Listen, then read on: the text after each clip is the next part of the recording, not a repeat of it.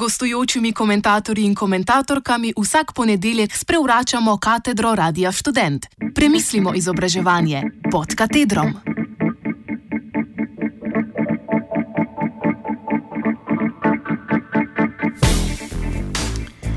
Pritisk na znanstvene megazaložnike.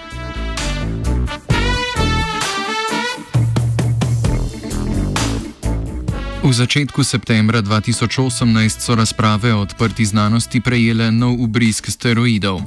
Steroidna novost si je nadela udarno ime Načrt S, ime, ki nam sicer vzbuja asociacija na vojaške akcije iz druge svetovne vojne, morda ne po nepotrebnem. Evropski snovalci načrta S so namreč v predstavljanju svoje udarniške akcije prevzeli malo da ne biblično retoriko Davida, ki se končno zoprstavi megazaložniškemu Goljatu. Zakaj se nam to vrsten hiperoptimističen diskurs zdi problematičen?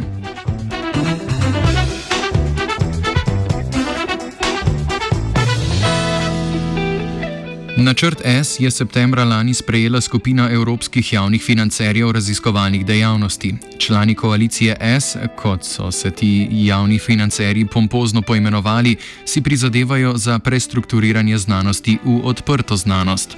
Osnovna zahteva načrta S je sledeča. Od leta 2020 dalje morajo biti vse znanstvene raziskave, financirane z javnimi sredstvi, objavljene v odprtem dostopu. Tako bodo, trdi koalicija S, davkoplačevalcem prosto dostopni rezultati projektov, ki jih je omogočil davkoplačevalski denar.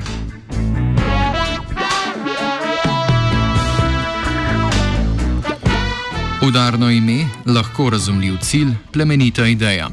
Le kaj bi lahko stalo na poti uveljavitve tako všečnega načrta? Za dosego cilja je potrebno prestrukturiranje akademskega založništva v sistem neposrednega brezplačnega spletnega dostopa. S tem se bo za zadev Evropske znanstveno-raziskovalne skupnosti spremenila pravila igre, igre znanstvenih objav. Seveda je raziskovalna skupnost previdno zadržana do tovrstnih vehementnih sprememb pa vendarle prevladujeta optimističen duh in podpora načrtu S. Glavni vir optimizma je domnevna vršitev pritiska na znanstvene megazaložnike. Podpora načrtu S torej v veliki meri jadra na vetrcu obljube Davido Goljatskega spopada z megazaložniki.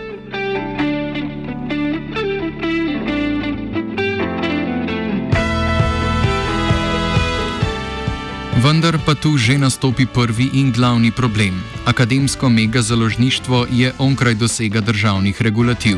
Akademsko založništvo je divji zahod, ki mu vladajo neukrotljivi, nepobojšljivi bad boysi, znanstveni megazaložniki. Kar poemensko naštejemo naše najljubše založniške negativce: založbe Elsevier, Springer Nature, Wiley Blackwell, Taylor and Francis in Sage Publishing zakaj uveljavljanje odprte znanosti v resnici ne škodi velikim založnikom.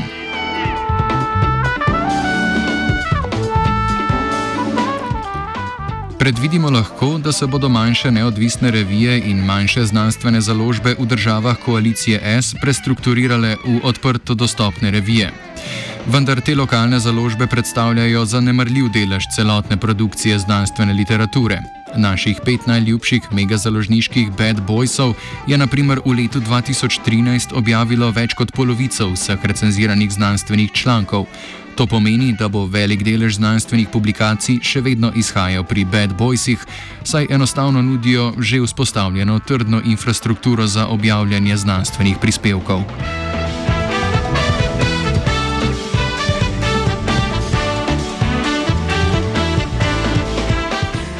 Morda se bodo bad boysi hitro prilagodili novim direktivam koalicije S in spremenili več svojih revij v odprto dostopne. Morda, vendar to ne pomeni, da bodo njihovi prihodki kakorkoli trpeli. Za objavljanje v odprto dostopnih revijah morajo namreč avtori oziroma njihove institucije založniku plačati določen znesek, poravnati tako imenovane stroške obdelave članka.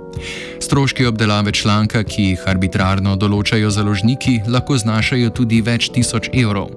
Če se potreba evropskih raziskovalcev po objavljanju v odprto dostopnih revijah poveča, lahko založniki samovoljno postavljajo visoko ceno za objavo v teh revijah. In to ceno bo seveda poravnal glavni financer znanstvene dejavnosti, državni proračun. Vendar, poudarimo, za države koalicije S tudi stroški zakupa dostopa do člankov ne bodo preprosto izginili. Raziskovalne institucije, knjižnice in univerze bodo pri megazaložnikih še naprej nakupovale dostop do neodprto dostopnih revij. Kaj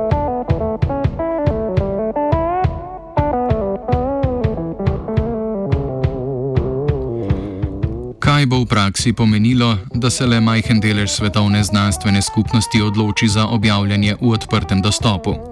Zaenkrat je k koaliciji S pristopilo 12 držav članic Evropske unije. Če bodo te države vestno in učinkovito izvedle predvidene reforme, bo del Evropske unije začel investirati denar v prestrukturiranje domačih znanstvenih založb v založbe odprtega dostopa. Vendar polovica Evropske unije predstavlja zanemrljiv delež svetovne znanstvene skupnosti. Če tudi bi celotna produkcija evropskih znanstvenikov dosledno prešla v odprti dostop, to še ne pomeni, da bi se količina denarja namenjenega zakupu dostopa do plačljivih člankov zmanjšala. Raziskovalci in študentje moramo namreč še vedno imeti zagotovljen legalen dostop do aktualnih objav vseh tistih znanstvenikov, od katerih države ne zahtevajo prehoda v odprti dostop. Še vedno moramo slediti in dostopati do del, ki jih objavljajo znanstveniki izven Evropske unije.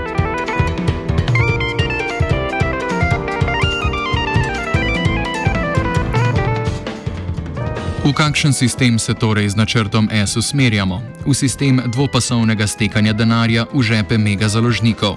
Po eni strani bodo evropski javni financerji raziskovalnih dejavnosti plačevali visoke stroške objav v odprtem dostopu za znanstvenike, ki delujejo znotraj članic koalicije S. Hkrati pa bodo državni proračun še vedno obteženi z nakupovanjem dostopa do neodprto dostopnih vsebin.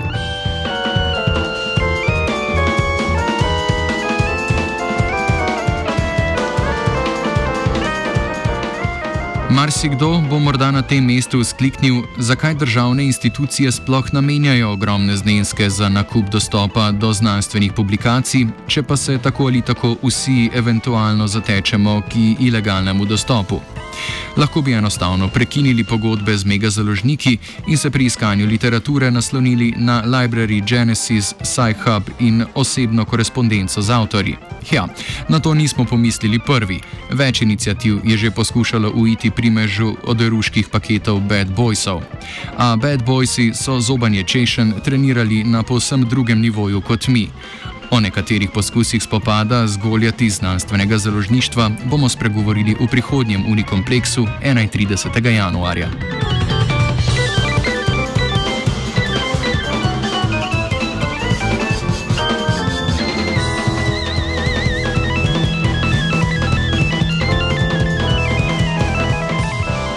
Čez naivni optimizem je Bentila vajenka Vita.